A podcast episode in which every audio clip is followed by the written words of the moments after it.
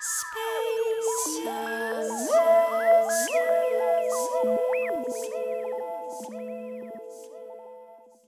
You're listening to Solveig Spesa Music on Radio Rakel FM 99.3. It's the oldest feminist station in the world, placed in the iconic house of uh, Blitz. And you might also be listening to this on a podcast. And if you're doing that, thanks for looking up my podcast. That's great. Uh, my name is Solveig Sørbø, and uh, this broadcast is uh, part of uh, Night of New Vocalities, which is a little bit uh, it's kind of a series on vocal music where I invited uh, a handful of uh, vocal um, performers, uh, composers. And today's um, guest is from Switzerland. Uh, she's a pioneer of uh, music technology and vocal music. And she has a brilliant voice. And I will be um, talking with her for, for an hour. And so, welcome to you, Franziska Baumann. Thank you very much for having me in your studio. That's wonderful. Thank you. Great. And then today I'm also doing a, a special thing, which is that I'm uh, inviting back one of my previous really interesting guests. Uh, and this uh, time she's going to be a mix. She's going to be a hybrid of a guest and also an extra host. So, my co host, uh, welcome to you, Agata Zielorowska. Thank you. It's very nice to be here. And Agata is just to remind people, she's um, a researcher and she's interested in uh, music um, or uh, rhythm-induced movement, and also in uh, vocal music, specifically, I guess, Slavic music and the female voice. So that's, that's right. That's interesting. Oh, I'm happy. I love when people uh, approve my introduction. So, so thank you, thank you both, and. Um, I thought maybe it's it would be maybe good to start with um, talking a little bit about your background, Franziska, uh, because you have been in the game of um, electronic music and voice processing for quite a long time.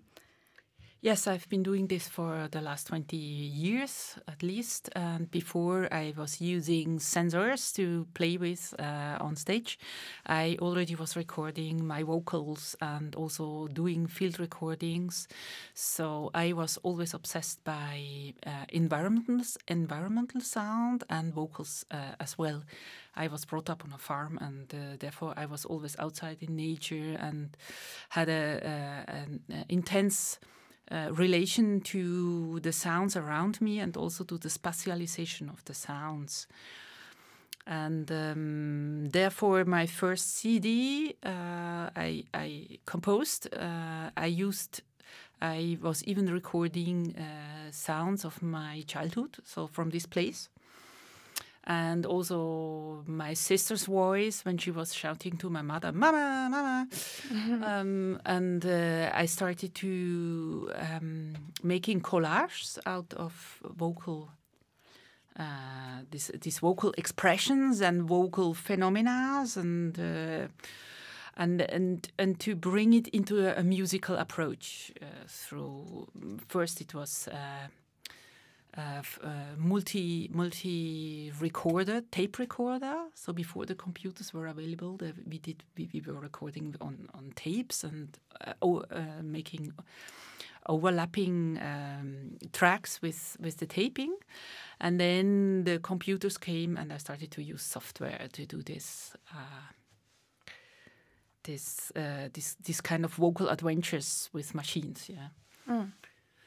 So maybe we can listen to the first piece. Uh, it's from my first CD. It's called Electrill. Um, it was. It is from 1994. and if you listen carefully, somebody may even he hear my sister's voice. ah, that's great. Let's hear it.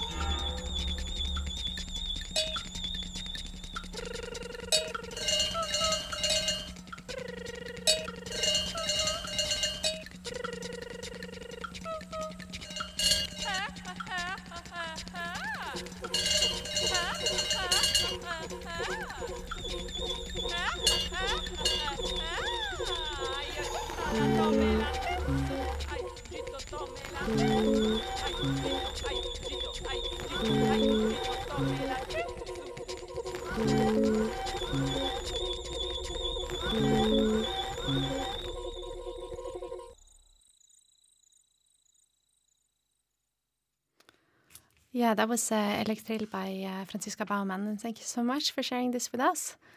It's uh, it's a lot to take in. It's a it's an incredible piece of work. I really like it. And beautifully mastered as well. Yeah, it's a long time ago. It's also funny for me to listen how I was singing so many years ago. The, the more classical approach in the singing voice uh, was was there, and I realize now when I listen to this piece uh, how much my childhood was, is in this piece. Yeah, with the bells from the cows and uh, the the transport, the the, the down pitching of my voice, which sounds li- nearly like frogs. Or then you have the grills, like uh, the crickets. Um, so, but the crickets were more were created more in a synthetic way. Uh, so, yeah, Yeah, because you're also doing uh, field recording. Yes, So this has this has also gone hand in hand with your voice works then. exactly. So, um, for the first CD, I was just recording, uh, yeah, in my my nature uh, home homeland. But um, later on, I I went more for specific topics like. Uh, Uh, I, I once did a glacier project, so I was wondering how a glacier is sounding from the inside. Um, so I, I went into crevasses and was recording inside of glaciers. Then I was collaborating with the University of Zurich, uh, where they, were, they made a research project on uh, uh, ice tremblements. So they had a seismograph, uh, which was. Um, uh, recognizing like uh, trem- uh, tension differences in, in the glaciers and then and then, and then so the erosion started and then I could transpose this seismographic um, informations into sound as well. Yeah. and yeah. So and then out of that but that, that out of that I made a, really a huge uh, site specific project uh, and not just a recording I never listened to a glacier, but uh, in Oslo, it's very easy to uh, hear the lakes around. Um, well, when the winter ends and the temperature drops to zero, and then it's like minus one, plus one. Um, you can hear many sounds from the lakes, which are really interesting. So maybe that could be another project. That could be another project. We have that also in Switzerland, but I never managed to be in the right moment. Mm. On the, we call it black frozen. Mm. So you have the black frozen uh, lakes when there is no snow on it. Mm. Uh, and then it happens also with these uh, tension differences through the night and day temperature that suddenly you have this going Mhm. and it sounds really far away and then you have the echo from the mountains and so Mm, beautiful. So, um, and Agata, you're very interested in um, in vocal music, and are there any like thoughts that you get when you when you hear this that is related to your your interest Um, any what? Sorry. in uh, in vocal music? I mean, you you told me that you just came from like a Mhm. voice workshop in uh, Oh, yeah. home in Poland. Yeah. yes, yes, that's right. I've been to a workshop uh, about uh, female voice. Mm. Um, the title for the workshop was When Women Sing. And uh, actually, we weren't singing as much as we were working with the body and the sounds it makes and the sound our vocal cords make when our body moves. So uh, yeah, it's it's a fascinating piece for me. And also, what I noticed uh, is that it was really hard to sit still yeah. when we were listening. I noticed that the table by which we sit was shaking at first because each of us started moving. Yeah, knock, nodding our heads. Uh, Yeah, exactly. And I also Yeah. noticed that it wasn't just like um, a head nod or a foot tap, but uh, this particular piece made me move in like all directions, a bit like a belly dancer. yeah, same, same. So yeah, it's uh, it's all very interesting how you can create this uh, percussive, uh, all sorts of sounds, also percussive sounds, uh, just with the voice and uh, with a little bit of uh, twisting um, electronically. Yeah, because we are then moving into another one of your the fields that you are an, an expert of, Agata, which is uh, um, music-induced movement. Mm. So this just brought an example of uh, of both vocal music and, and rhythmical music into one. Mm. Mm. Yeah, I think there is something special about vocal music, um, and especially when the rhythms are made out of vocal Mm. music. I haven't uh, researched that specifically, but uh, it's just my hypothesis that uh, when you create rhythm with your voice, it has more movement inducing properties. Also, because uh, it's really difficult not to mimic silently when you Mhm. hear someone. Um, um, someone singing or speaking, um, there are studies that show that your vocal cords work as well Mm. as if you were speaking, but no voice comes out, out of your mouth. So I think uh, With the this- mirror neurons. Uh, yes, thing, yeah. yeah. I think through this sort of uh, resonance, um, it creates some special. Um, it has a power, a special power for uh, inducing movement. But uh, that could be a topic for the next study. Yeah, it sounds like a great study. Mm. I mean, uh, and I wonder how much of this uh, effect is kept even if you transpose the, the voice, because at a certain time it starts feeling not so human anymore. Mm. So I don't know. That's maybe further into a study like that. Yes, exactly. Yeah, incredible.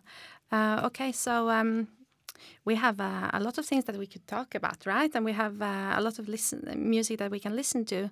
I, I just wanted to um, to ask you again because I know that you have um, some thoughts on uh, extrinsic versus uh, intrinsic properties or listening modes. Or yes please help me. Yeah, there are very strange words for this, but it's uh, in fact very easy because uh, everybody has a voice, and uh, our listening is trained for has been tra- trained for years unconsciously how we listen to voices. It means that if we have, for example, an expression of uh, shouting or crying or oh, I'm tired or so, then we immediately uh, have an extrinsic um, thread, a psychological meaning. We, we hear a psychological meaning behind this expression. And what I do then is go more to the intrinsic aspect of such a expression, like if I have ah, I'm tired also, yeah. But then I start to ah, ah, ah, ah, ah, to work with that sound, uh, either rhythmically or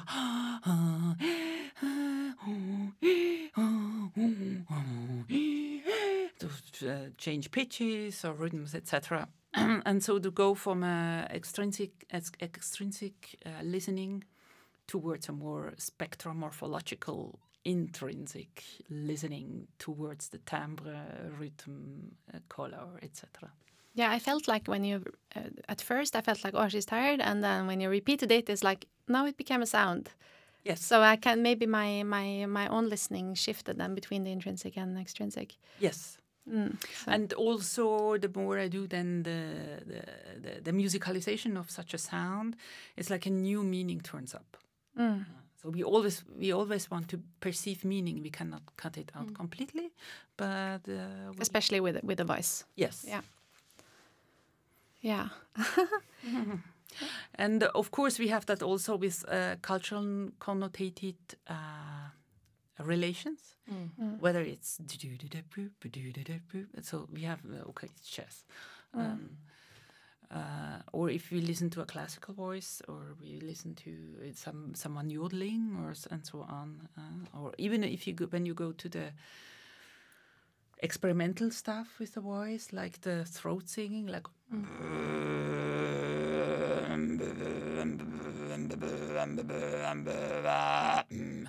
and uh, in fact, it's just a, a throat fall, which is vibrating as well with the vocal uh, fall, um, f- falls, and uh, we but but we may think it's is she trained in Asiatic singing or non-European singing? So how can we deal with this extrinsic cultural connotations? Yeah, that's uh, very interesting. What you did before with the singing on your uh, breath, like in and out, reminded me of the Inuit singing. Yes.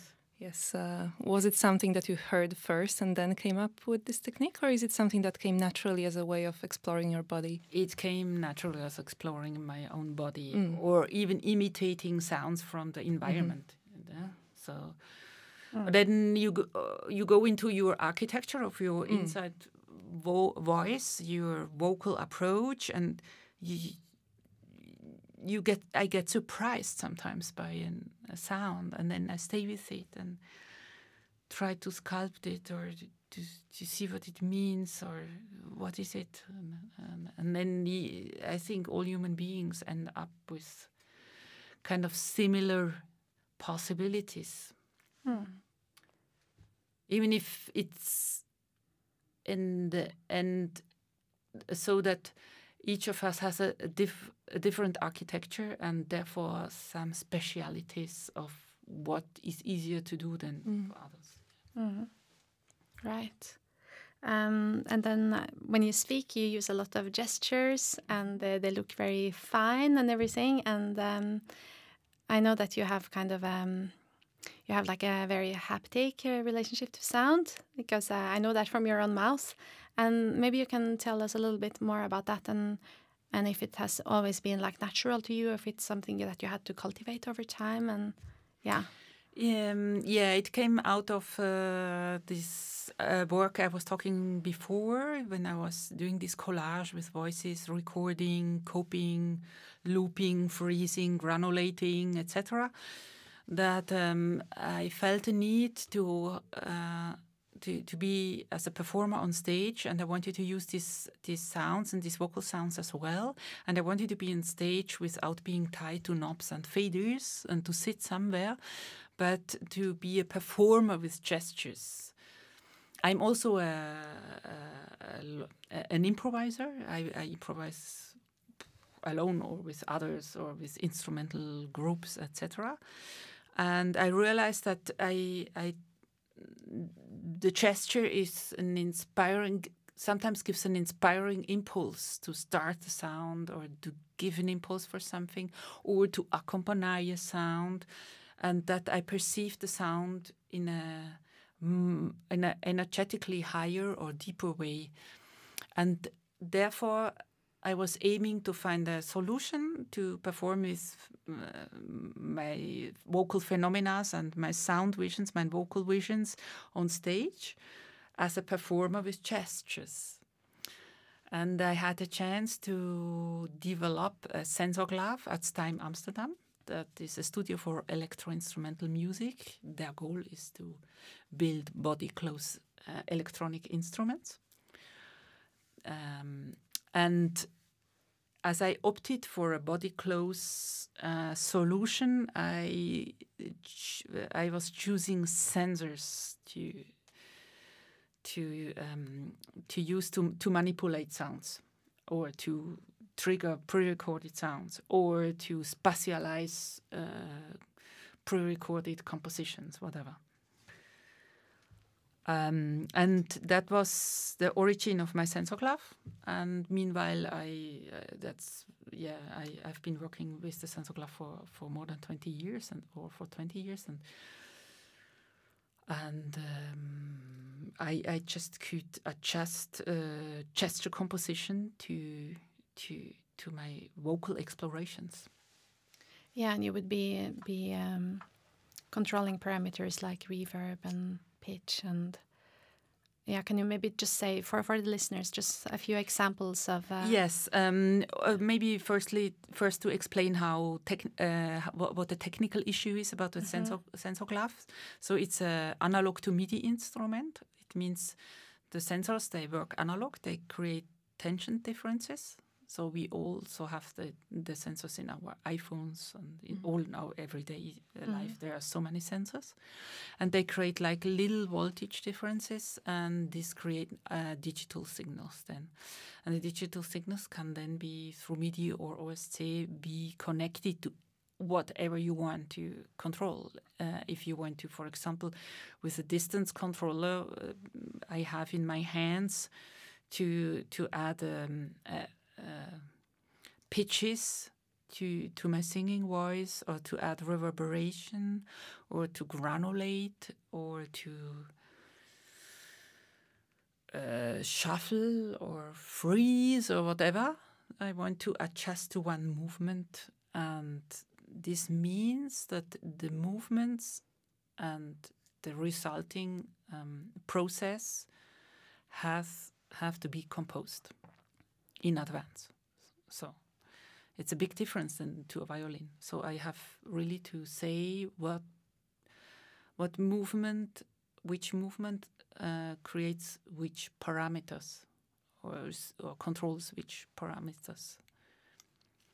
Or if I take an accelerator, which uh, measures speed or acceleration. So it's, for example, this sensor is good to to to start the sound, like to hit the sound. It's uh, the hitting movements are very good with accelerators. Um, and then the the, gy the the gyroscope or gyroscope we have also in our iPhones. They they give more smoother control or smoother movements in the horizontal axis and in the vertical axis and in the roll function, meaning I can uh, turn around my hands and change parameters. Mm. So some of the movements would be like having your your hands a bit centered and then widening them and making them closer to each other again, or to twist your your hand up like um, the palm would be facing upwards or downwards and different variations like that. I'm just trying to explain it for the people who don't see it. yeah, and the throwing movements like imagine you're throwing a ball, but then you're actually just sitting on a off a, a tone, like yes. which could be a piece of your voice which has been pre-recorded or which you just sang a few seconds ago, maybe. Yeah. Yeah. Something. Yeah. Yeah, or can record it and then play it again. Yeah. So Great. Um, exactly. And uh, there are some characters of of of gestures. Mm -hmm. It's it's again with intrinsic and extrinsic frets. So the in the extrinsic is frets are gestures we know from our physical world, uh, maybe from our instrumental worlds, um, gestures connected to, to movements like a pianist who, mm. who does uh, fast fingerings, or a bowing instrument, a striking instrument. Oh, you would be mimicking other kinds of instruments in the air? Uh, yes, you uh. and, and um, or or hitting like a percussionist. Yeah. Mm-hmm. Or then, like you said before, that it would be like throwing something away. It's more like a meta gesture. It's, it's not uh, corresponding an instrument. Something. Yeah, and then sometimes it could be corresponding in in ways like um, if you take the arm up, then the pitch raises, or and the opposite, things Yes. like that. Yes. So there are different modes of, of gestures. Yes, and the same gestures, of course, can connect, be connected to different Yeah, it's a mapping. controlling. Yeah. Do you change it from uh, composition to composition, or do you have your favorite setup? So, for example, the raising of the hand controls pitch, and the gyroscope controls dynamics, or Um, I have some favorites that the, the gyroscope is uh, controlling the spatialization. That's the easiest. So I really can move my arm from left to right, and then also the sound goes from left to right or up and down, and then the sound goes from forward to back. Yeah.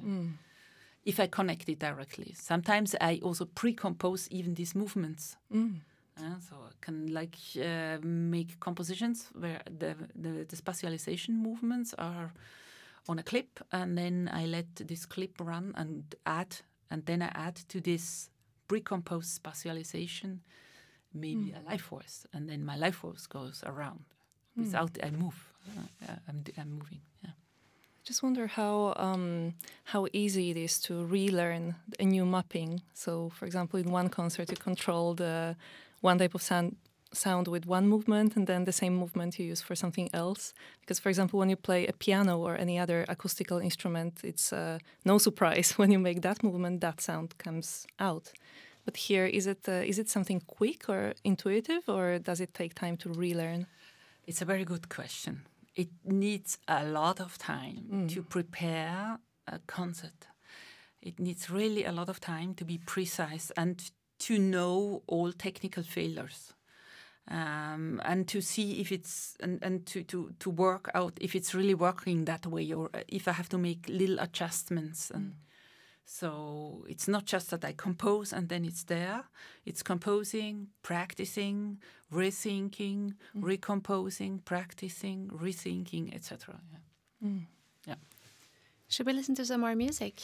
Yes, Maybe something that illustrates or where you used some of these techniques? yes. Maybe how about the rumors? Rumors. Let's see. Uh, Anders is my uh, technician today. Thank you so much. Um, do you have rumors uh, available to to play? Great.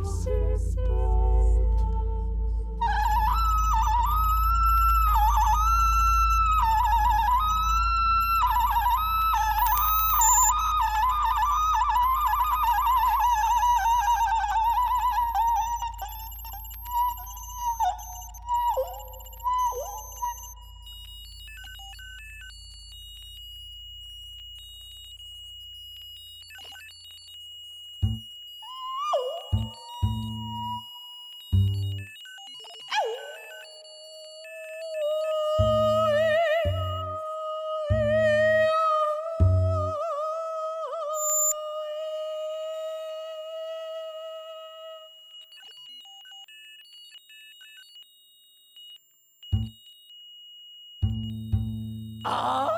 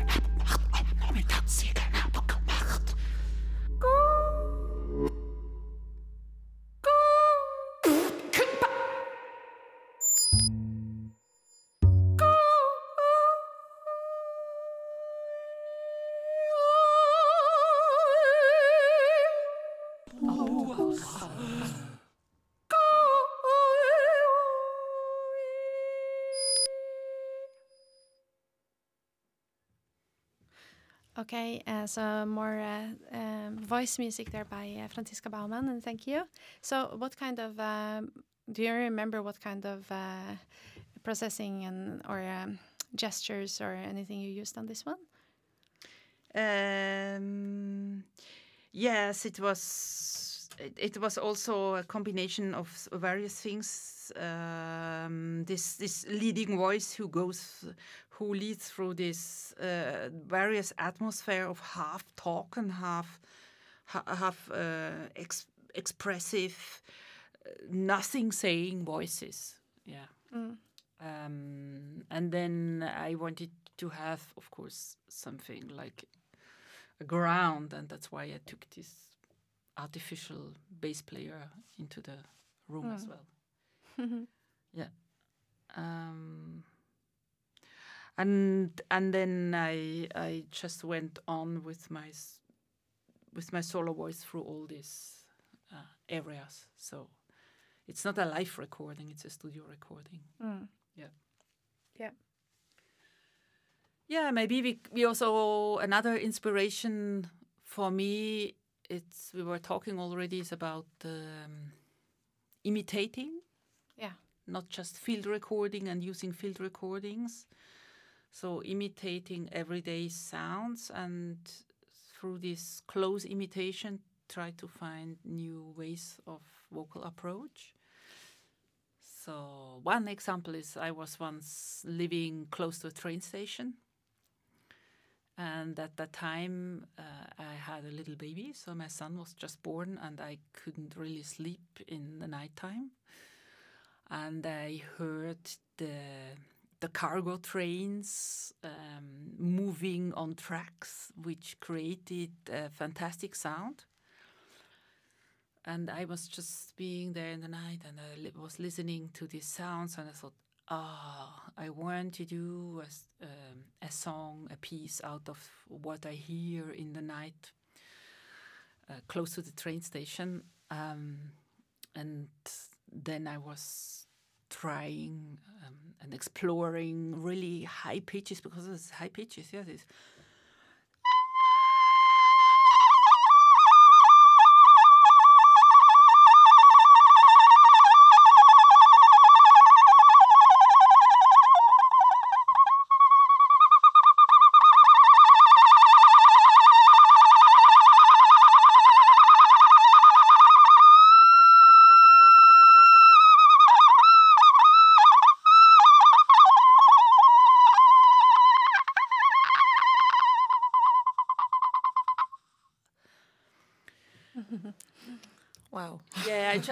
started with a very high pitch, and then I just tr- try to find out what what can what hmm. can my vocal folds do with that.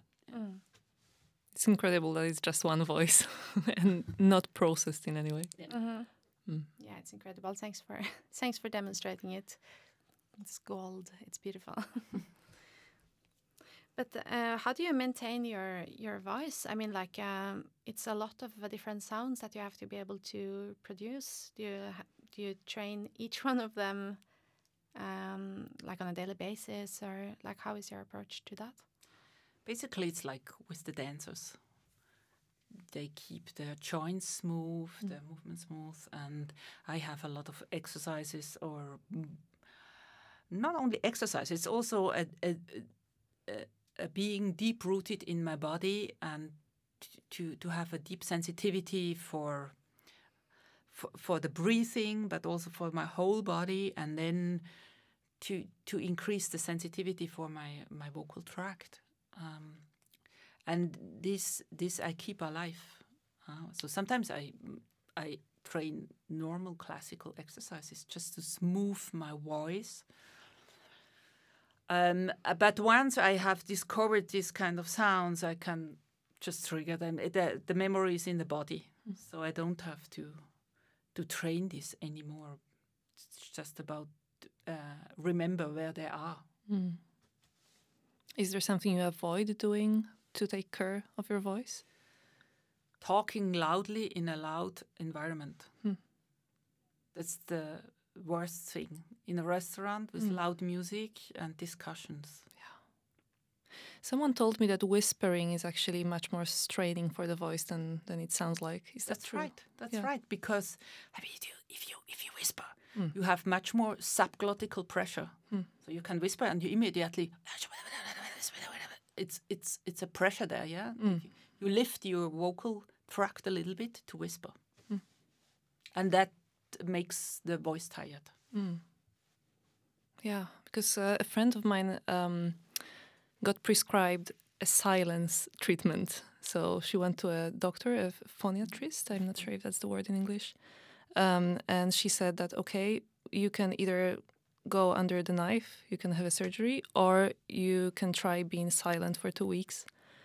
And uh, then she started whispering, and the doctor said, "No, no, no, no, no, that's not the way to go." And even yeah. not to listen to other voices. Mm -hmm. That's what you said before. In, mm. um, yeah, that you that you because your your vocal tract and your vocal cords start to mirror. Mm -hmm.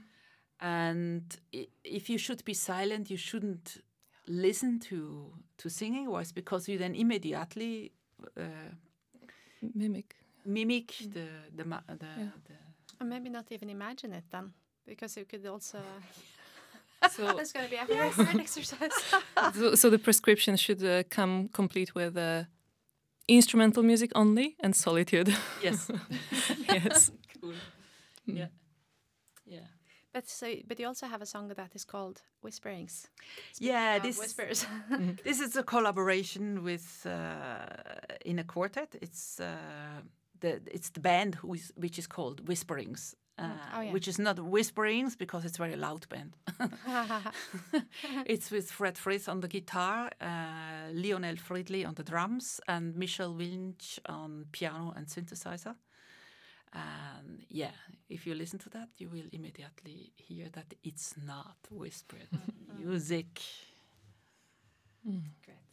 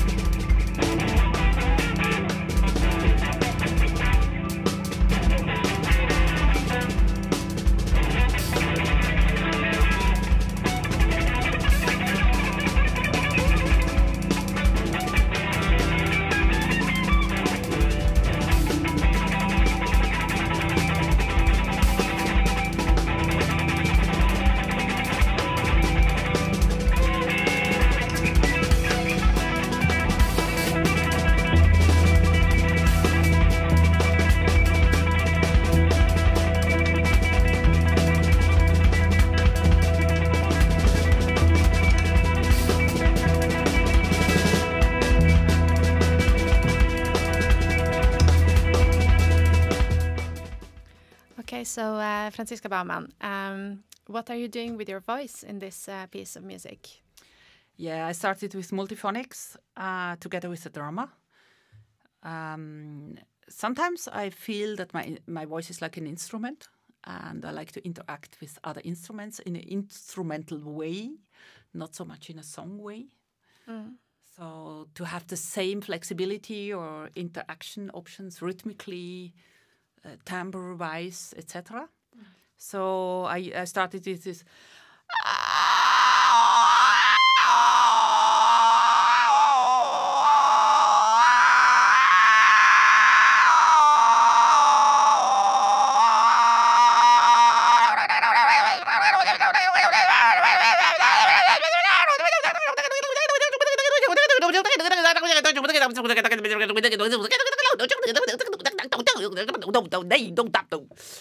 So and then uh, I I morph into more kind of um, fantasy speaking because I wanted to join the attacks a little bit more with the with the drama.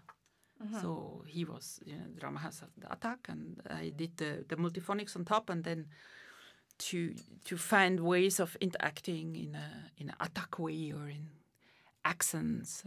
So I, then I, I, morphed to more a kind of speaking, mm. fantasy speaking way.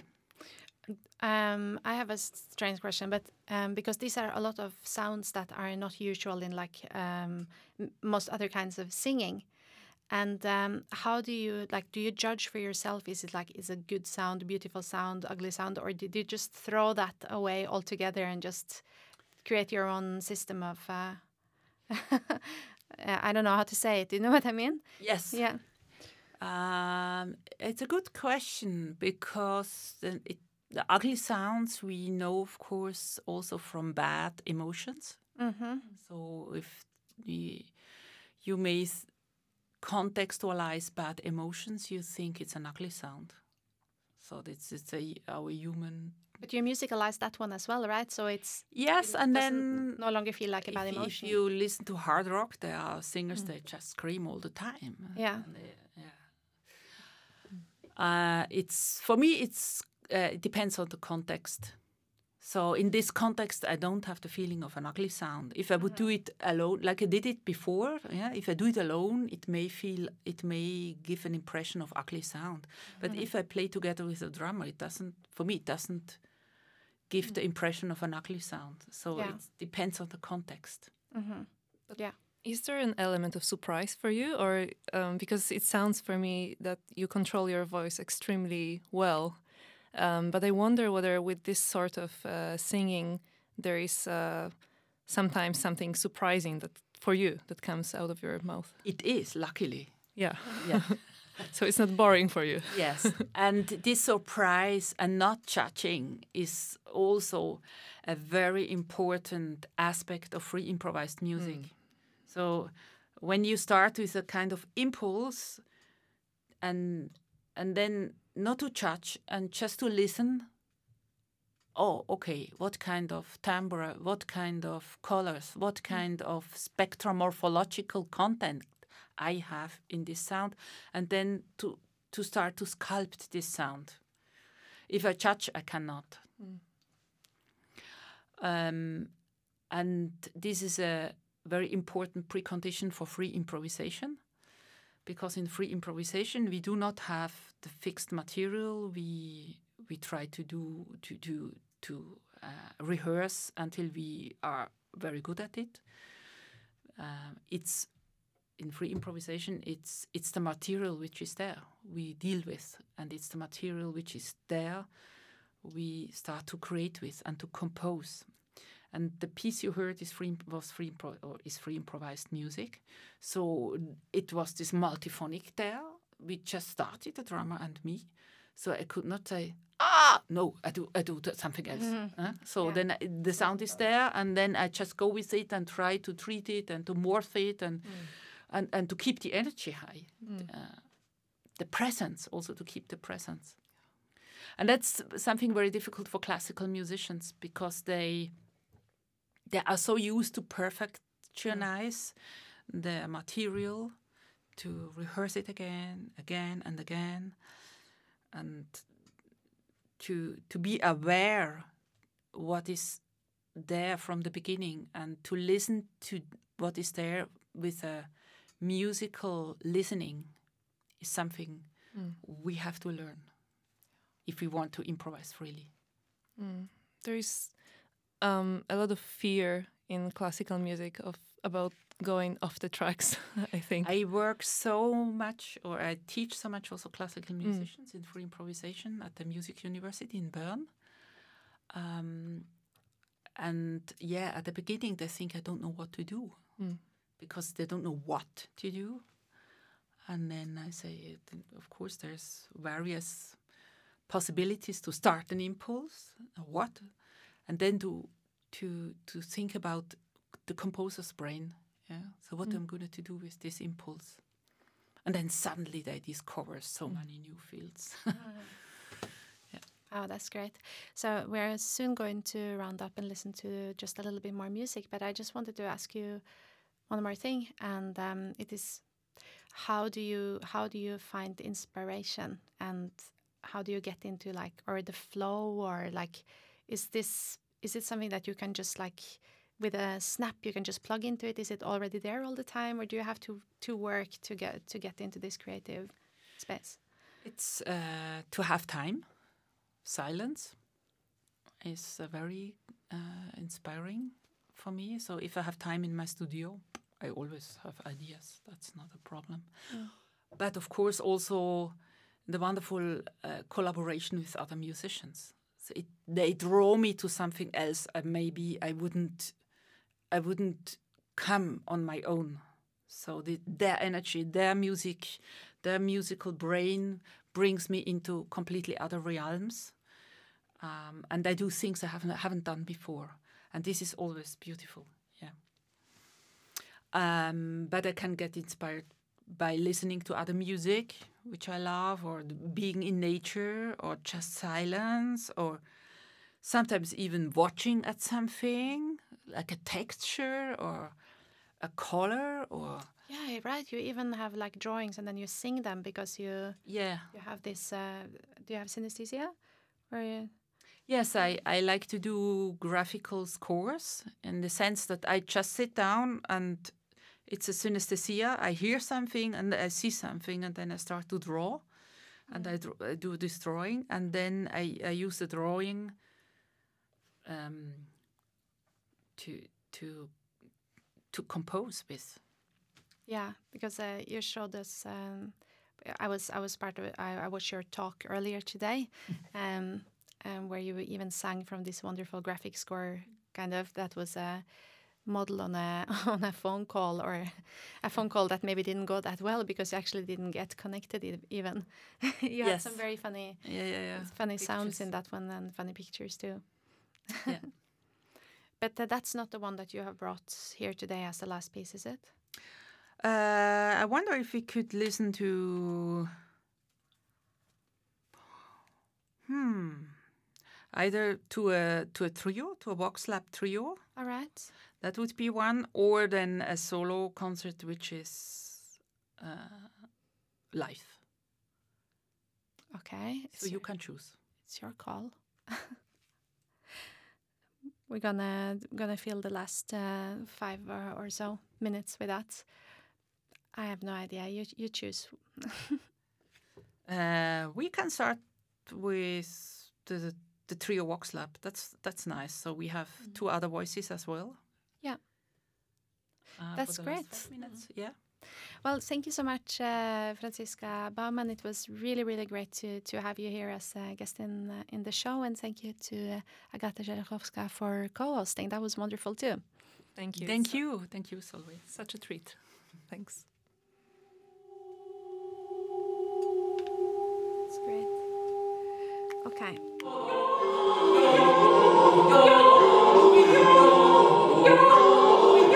Thank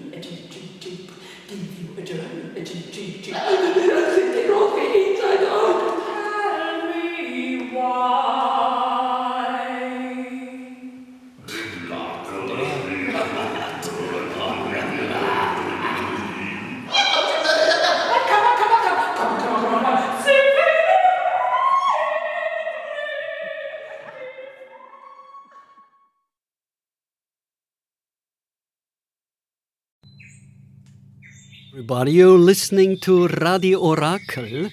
My name is Alex Nowitz. I'm a vocal performance artist and composer, and we have been talking together with uh, Solveig in Solveig's show about multivocality, the extended voice, the electrified voice, and different methods how to bring that on stage.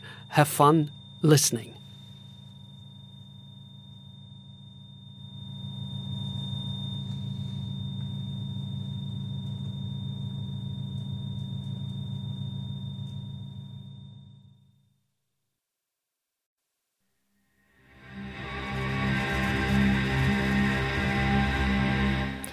Hello, my name is Agata Żelechowska and I visited Solveig Space and Music to talk about my research on body movement and also about some traditional Slavic songs and the connection between voice and the menstrual cycle.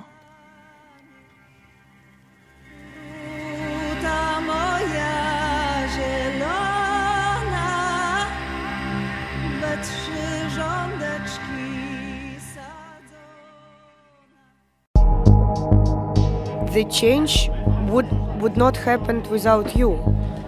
There will be no leader or don't know savior who will come and uh, just solve all your problems.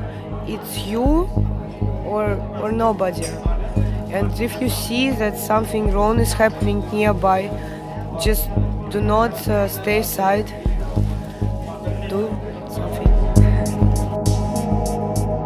Hello, Pussy Riot and you are listening for Radio Orakel, first feminist radio in the world.